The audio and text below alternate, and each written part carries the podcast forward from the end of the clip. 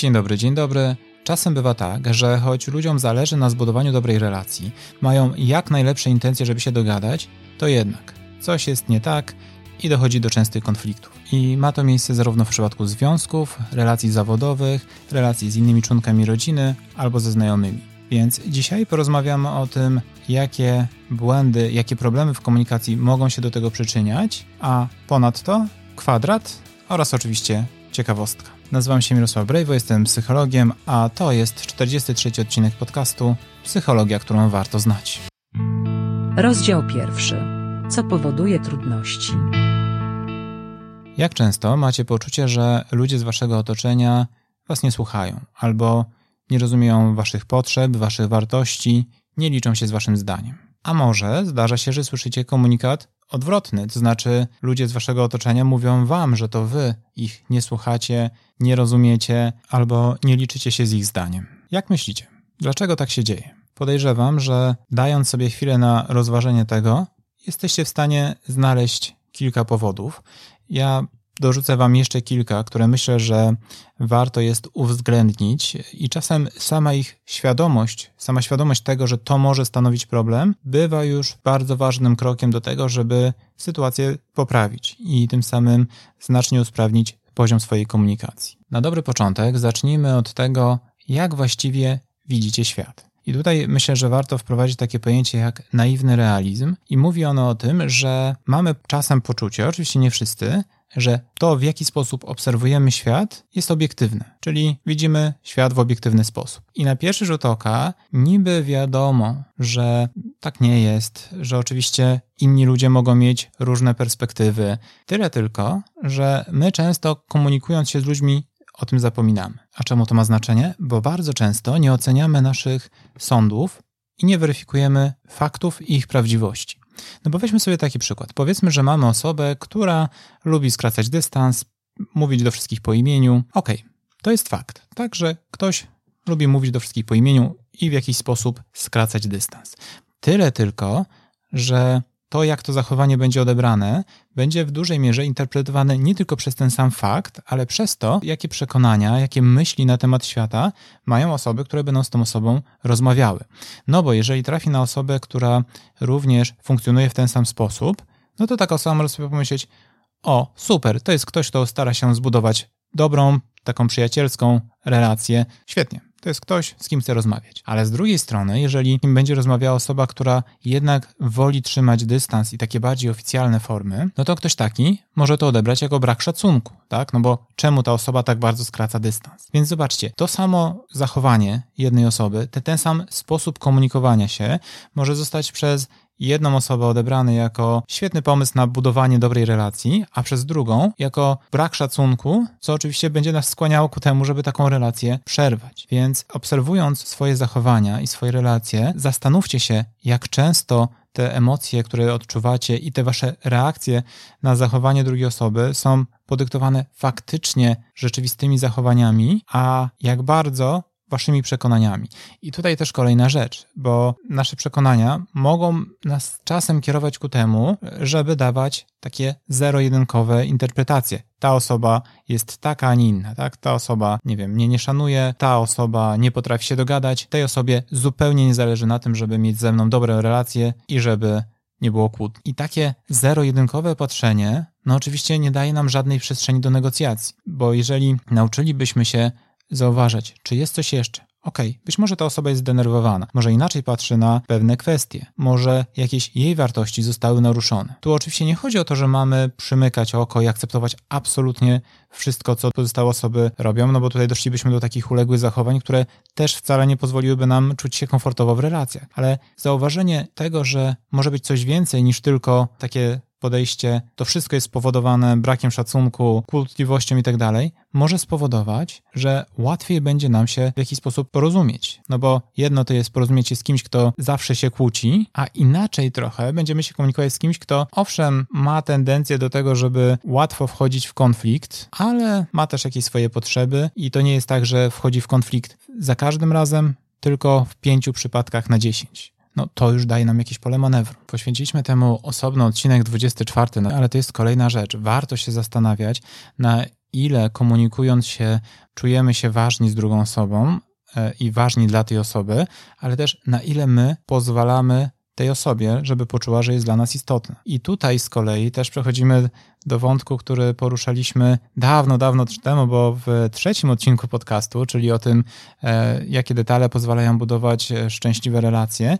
I tam mówiliśmy o tym, że ważne są te proporcje komplementów, pozytywnej rzeczy e, względem negatywnych. Tak? Że nie powinno być tak, że my głównie krytykujemy inne osoby, a rzadko doceniamy ich zalety, że jednak o wiele częściej powinniśmy dostrzegać pozytywne rzeczy, ponieważ to buduje dobrą relację. A to jest kolejna ważna kwestia, że jeżeli nie budujemy z kimś na bieżąco, oczywiście mówimy o ludziach, z którymi mamy dłuższe relacje, no bo jeżeli widzimy kogoś przez trzy minuty gdzieś w sklepie, no to pewnie trudno tutaj budować jakąś relację, tak? To, to jest bardzo krótki, krótka sytuacja, ale jeżeli mamy z kimś dłuższą relację, no to jest bardzo ważne, że żeby ta komunikacja mogła przebiegać sprawnie, no to my musimy dbać o to, żeby ta relacja faktycznie była pozytywna. Pomyślcie, jak to wygląda u Was, bo czy nie jest czasem tak, że w relacji z niektórymi ludźmi już zanim jeszcze ta osoba cokolwiek powie, zanim dojdzie do jakiegokolwiek spotkania, to Wy być może czujecie się już nieco zdenerwowani, trochę zestresowani, trochę zirytowani, zastanawiając się, co ten człowiek znowu wymyśli. I jeżeli tak wygląda ta relacja, no to wtedy ta wasza komunikacja już na starcie będzie o wiele trudniejsza, bo wszystko, co da się zinterpretować na niekorzyść tej osoby, tak właśnie będzie interpretować. Czyli jeżeli ktoś zaproponuje wam pomoc w czymś, to wy raczej nie pomyślicie, ok, chce mi pomóc, bo mi na mnie zależy, tylko raczej pomyślicie, no jasne, wywyższa się i chce się pochwalić swoją kompetencją. Więc to jest też istotny punkt, żeby starać się budować dobre relacje, bo one same w sobie już na starcie powodują, że ta komunikacja będzie lepsza, jeżeli będziemy czuli się ważni akceptowani dla drugiej osoby, ale też będziemy przede wszystkim dawali innym ludziom takie poczucie, że są dla nas ważni i akceptowani przez nas. A żeby czuć się ważnym, to dobrze byłoby być też słuchanym. I to jest e, oczywiście kolejna bariera, to znaczy to, że wiele osób często tak naprawdę nie słucha tego, co druga osoba ma do, do powiedzenia, tylko raczej po pierwsze stara się domyślać i zamiast dopytywać, to od razu tworzymy sobie w głowie jakieś wyobrażenie, co ta osoba może sobie myśleć. A każdy z nas oczywiście ma bardzo różne punkty widzenia i to nawet taki chociażby najprostszy przykład typu, co to dla, dla was znaczy spóźnię się trochę, albo jak daleko to jest daleko. I tutaj oczywiście każdy ma trochę inne podejście do tego. To znaczy dla kogoś spóźnię się trochę to będą 3 minuty, dla kogoś spóźnię się trochę to będzie 15 minut, i dlatego to jest też ważne, że żeby się skutecznie komunikować, to często zamiast domyślać się, co ta osoba ma na myśli, o wiele łatwiej jest po prostu dopytać, tak? I powiedzieć, co to dla ciebie znaczy, że jesteś niedaleko? Co to dla ciebie oznacza, że spóźnisz się trochę, albo że musimy wkrótce się zdzwonić i spotkać? Czy to znaczy, nie wiem, za miesiąc, za pół roku, czy to raczej takie kurtuazyjne powiedzenie, że raczej nie będziemy się ze sobą kontaktować? Inne wyzwanie, które często się pojawia, to to, że sporo ludzi niby pyta o potrzeby, o oczekiwania drugiej strony, ale tak naprawdę to nie jest pytanie po to, żeby zrozumieć kogoś, tylko po to, żeby usłyszeć prawidłową odpowiedź. Czyli na przykład ktoś pyta, czy się tym zajmiesz, czy to zrobisz, ale to nie jest tak naprawdę zainteresowanie drugą osobą, na ile ta osoba faktycznie chciałaby coś zrobić, na ile to jest zgodne z jej planami, tylko oczekuje od ciebie, że zachowasz się w taki, a nie w inny sposób. Jeżeli nie, no to stracisz mój szacunek albo zawiedziesz moje e, oczekiwania czy moje, moje zaufanie względem ciebie tego typu pytania, które w założeniu mają prawidłową odpowiedź, oczywiście też będą powodowały, że taka komunikacja będzie się bardzo skutecznie sypała. Czyli warto jest dać sobie taką przestrzeń, co jest bardzo trudne i nie martwcie się, jeżeli nie zawsze wam się uda, ale dać sobie przestrzeń do tego, żeby faktycznie zrozumieć i wysłuchać drugą stronę, tak żeby faktycznie posłuchać, to znaczy nie tylko zadać pytanie oczekując właściwej odpowiedzi, tylko dać tej osobie powiedzieć, dlaczego myśli w taki, a nie w inny sposób. Bo owszem, może się okazać, że ma zupełnie inny pomysł na życie niż my byśmy sobie wyobrażali, ma inne wartości, inne cele, ale to wcale nie musi oznaczać, że to będzie złe, czy dla tej osoby, czy ogólnie dla waszej relacji. Tylko mówimy tutaj o tym, jak e, się odbiera komunikaty, natomiast warto też zwrócić uwagę na bardzo ważną rzecz a mianowicie na to, że wiele osób faktycznie stara się domyślać, co myśli druga osoba, ponieważ ta osoba nie mówi o swoich oczekiwaniach i o swoich potrzebach. Czyli tym, co często, e, zwłaszcza w dłuższych relacjach, potrafi bardzo skutecznie te relacje utrudnić, to jest oczekiwanie od drugiej strony, że ona będzie czytała tak trochę w naszych myślach, czyli że będzie w stanie przewidzieć, czego oczekujemy, czego potrzebujemy. Dlatego, jeżeli chcecie się skutecznie komunikować, to pamiętajcie o tym, że to wy jesteście odpowiedzialni za to, żeby wyrazić swoje oczekiwania, wyrazić swoje potrzeby i starajcie się o tym mówić, akceptując też, że oczywiście nie wszystkim musi to odpowiadać i czasem usłyszycie odpowiedź nie. Z tych rzeczy, które często powodują konflikty i trudności w komunikacji, to myślę, że można wymienić również to, co tak naprawdę ułatwia niebotycznie komunikację, a mianowicie wszelkie aplikacje oprogramowania, które umożliwiają komunikowanie się online, zwłaszcza w formie pisemnej. No bo z jednej strony to jest super, że możemy przy stosunkowo niskich kosztach komunikować się z ludźmi praktycznie na całym świecie w bardzo łatwy sposób, ale to daje dużo przestrzeni do interpretacji, no bo jednak, zwłaszcza pisząc, no nie ma tam za bardzo przestrzeni na to, żeby wyrażać jakoś swoje emocje. Jeszcze jeżeli ktoś dorzuci jakąś emotikonę, no to pół biedy, ale czasem jest tak, że ich brakuje, i nagle okazuje się, że dochodzi do konfliktu, którego nikt nie miał w planie. Ktoś udziela na przykład jakiejś odpowiedzi w bardzo skrótowy sposób, bo jest zajęty, a druga osoba interpretuje to jako przejaw osłości, że to, że komuś nie zależy, albo że jest jakiś wrogi komunikat, no bo jest tam jeszcze kropka na końcu, a to już w ogóle przecież nienawiść. I co wtedy? No i wtedy w głowie takiej osoby, która odbiera tę historię, taką wiadomość, oczywiście narasta tysiąc myśli o tym, czemu ta osoba zachowuje się w taki, a nie inny sposób, czemu napisała do nas w taki oschły sposób. A to z kolei bardzo często prowadzi do myśli, no oczywiście, jeżeli jej nie zależy, to mnie też nie zależy. No i oto może się okazać, że jeden zupełnie niegroźny, nieistotny komunikat, gdzieś tam napisany w komunikatorze, w głowie drugiej osoby może spowodować już prawdziwy konflikt, który ona toczy ze sobą, a to z kolei oczywiście będzie miało wpływ na to, z jakim nastawieniem i przekonaniem przyjdzie na przykład na, na spotkanie z tą osobą. Trochę tak jak mówiliśmy o tym, że czasem niektórzy się denerwują już na samą myśl o spotkaniu z kimś i tu będzie podobnie, tak, że jeżeli był jakiś niejasny komunikat, a my tego nie wyjaśniliśmy, tylko pozwoliliśmy sobie na tysiąc interpretacji, no to później, kiedy już dojdzie do spotkania, to jest bardzo duża szansa, że my już będziemy całkiem nieźle zdenerwowani przez te wszystkie argumenty, które powiedzieliśmy sobie w imieniu tej drugiej osoby. Uważajcie na to. Jeżeli jakieś komunikaty, zwłaszcza pisane, są dla Was niejasne, to warto o to dopytać, a niekoniecznie za wszelką cenę pozwalać sobie na tysiąc interpretacji, które często idą w zupełnie złym kierunku. Rozdział drugi. Poprawa komunikacji. Co moglibyście zrobić, żeby poprawić swoją komunikację? W tym rozdziale chciałbym zwrócić Waszą uwagę na zaledwie dwie rzeczy.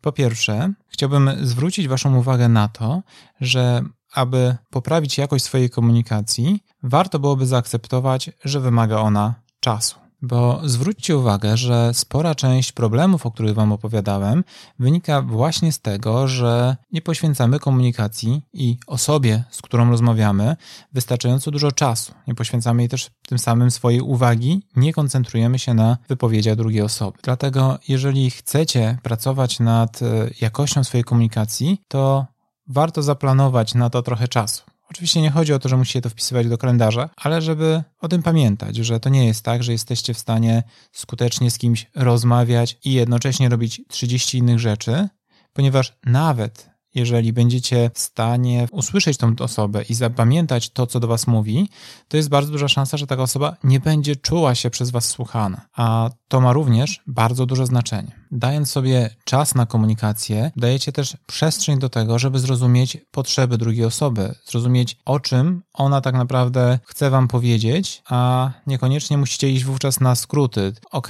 słyszałem dwa zdania, już wiem, co powiesz w 30 kolejnych. Czy na pewno? Bo wiele konfliktów wynika właśnie z tego, że my wcale nie wiemy, co taka osoba powie w kolejnych 30 zdaniach, ale zakładamy, że wiemy. Przy czym oczywiście spokojnie, tak? Tutaj nie chodzi o to, że teraz każda, nawet e, najprostsza rozmowa, najprostsze pytanie ma się przeradzać od razu w jakąś głęboką dyskusję zajmującą e, całe godziny. Nic z tych rzeczy. Po prostu chodzi o to, żeby założyć, że czasem rozmowa, którą zwykle odbywacie w minutę, może gdyby zajęła 5 minut, byłaby dla Was o wiele bardziej satysfakcjonująca. Chociażby takie proste pytanie, nie wiem, jak Ci minął dzień w szkole czy w pracy, to wcale nie musi oznaczać, że Wasze rozmowy muszą być teraz rozwleczone i takie bardzo, bardzo powolne czy pełne dygresji. Ale to dawanie czasu na komunikację oczywiście zakłada też, że w momencie, kiedy z kimś rozmawiamy, poświęcamy mu uwagę, czyli nie rozmawiamy i jednocześnie, nie wiem, nie oglądamy telewizji, nie bawimy się telefonem. Spróbujcie, jeżeli tak wam się, jeżeli wam się to nie udaje dotychczas i zobaczcie, jak to wpłynie na jakość waszej komunikacji. Swoją drogą, w tym miejscu mam też dla was ciekawostkę. Ciekawostka. Istnieje zjawisko, które nazywa się fabbing i słowo powstało od słowa phone, czyli telefon oraz snubbing, czyli lekceważenie. I fabbing jest to lekceważenie drugiej osoby w sytuacji towarzyskiej poprzez zajmowanie się telefonem. Innymi słowy, jesteśmy na przykład z kimś w restauracji i zamiast porozmawiać, zamiast poświęcić uwagę drugiej osobie, bawimy się telefonem i przeglądamy tam różne informacje. Wow, ale ciekawostka.